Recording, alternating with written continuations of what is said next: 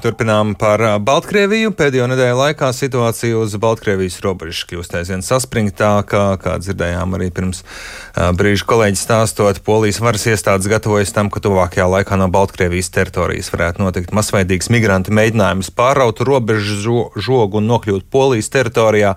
Brīvdienās vienā no gadījumiem pēc poļu teiktā Baltkrievu robežsargi bijuši tie, kuri palīdzējuši noraut žogu un apbruņojuši migrantus ar asaru gāzi. Polijas premjerministrs Mateušs Moravetskis aicinājis NATO aktīvāk iesaistīties krīzes risināšanā.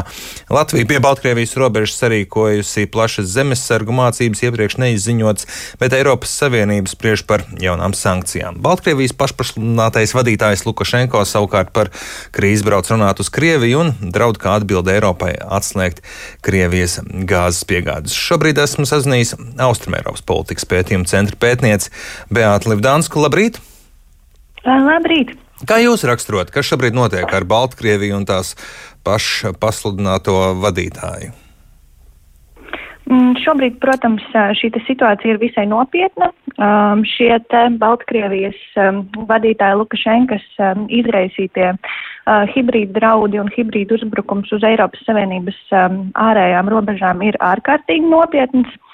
Um, šobrīd, protams, redzam to, ka Latvija vismaz pagaidām Latviju šī te migrantu plūsma uh, neskar tik lielā apjomā, taču šobrīd noteikti jāsaka tas, ka arī mums būtu jābūt gataviem reaģēt, um, ja tomēr šī migrantu plūsma uh, turpina, uh, turpina kustēties arī uz mūsu robežas pusi, uh, bet katrā ziņā noteikti jāuzsver tas, ka situācija ar Baltkrieviju un notiekošais uz Eiropas Savienības ārējām robežām ir, uh, ir nopietni. Jā, nu, Lukašenko pie pirmajām sankcijām no Eiropas puses draudēja ar migrantu krīzi Eiropai, brīdināja par to. Šos draudus viņš ir īstenojis. Tagad, kad tiek spriests par jaunu sankciju noteikšanu, draud ar gāzes atslēgšanu, viņš to var atļauties?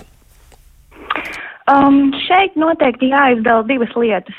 Viens ir tas, ka, protams, jā, tas, ka Lukašenka draudēja ar šo te uh, migrantu krīzi, tas, uh, kā redzams, diemžēl ir piepildījies.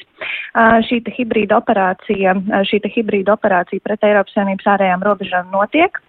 Um, otrs, protams, ir tas, um, ka viņš savā kartgalvībā uh, mēdz izteikt arī, uh, arī šādus apgalvojumus, kas vēlāk, protams, arī nepiepildās. Uh, ja runājam konkrēti par šo te stāstu par gāzes piegāžu pārtraukšanu, tad šeit būtu būtiski uzsvērt to, ka viens ir tas, ko Lukašenka saka, bet otrs ir jāatcerās, ka gāzes tiešais piegādātājs ir Krievija. Uh, un es nedomāju, ka šobrīd Lukašenkam būtu īstais brīdis pasliktināt attiecības ar Krieviju, jo tas neizbēgami notiktu, ja viņš pieņemtu šo pārgalvīgo lēmumu aizgriezt ciet šo gāzes vadu.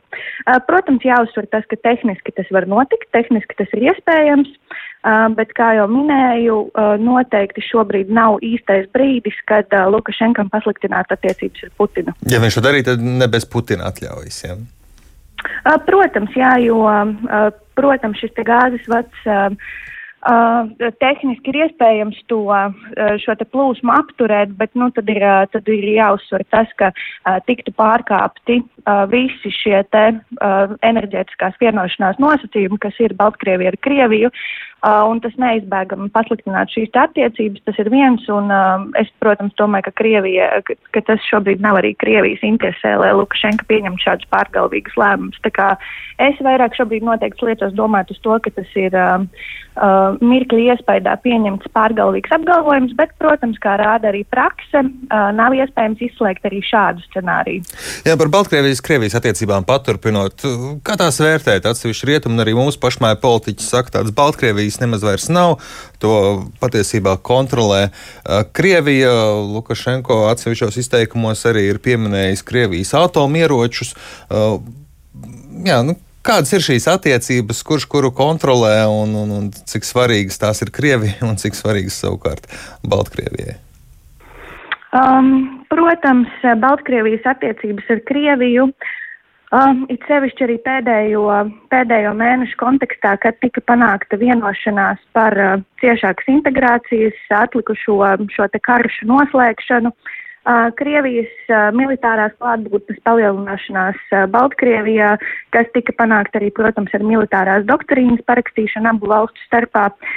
Tas viss liecina par to, ka, protams, Krievijas spiediens un ne tikai spiediens, bet arī uh, faktiska klātbūtne Baltkrievijā noteikti notiek gan lēmumu pieņemšanas procesā, gan arī šajā militārajā kontekstā, kas ir svarīgs arī šobrīd. Uh, Um, protams, pie varas joprojām atrodas Lukašenka, um, un, um, un viņš noteikti pie varas atradīsies vēl kādu laiku. Uh, šeit noteikti stāsts ir par to, ka viņa šī brīža rīcība varbūt pat kaut kādā ziņā ir izdevīga Krievijai.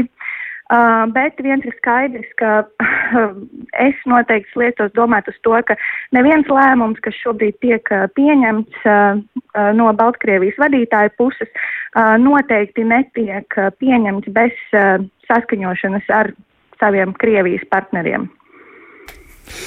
Jā, gan Lukašenko, gan poļi, gan lietuvieši vairāk brīdinājuši, ka notiek arī tādas apzinātas provokācijas, iespējams, uz militāru uh, konfliktu, ka pastāv šāds risks. Jau minēja, ka no Baltkrievijas puses ir piesaukti Krievijas kodoli ieroči. Polija savukārt aicina pieslēgt NATO spēkus tāds militārs konflikts līdz tam var nonākt?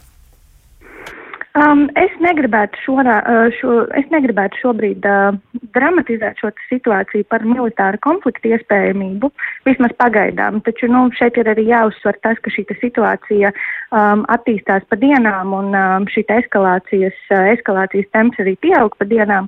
Uh, bet, kas attiecas uz uh, militāru konfliktu iespējamību, es domāju, ka vismaz šobrīd, vismaz pagaidām, uh, neviena no pusēm negribētu līdz tam nonākt. Lai gan, protams, arī tālāko dienu notikumi rādīs, kā vispār šo krīzi ir iespējams atrisināt. Viena atslēga noteikti būs tajā, vai Eiropas Savienība pieņems gana stingrus mērus un šajos lēmumos par sankciju piemērošanu būs vienprātība.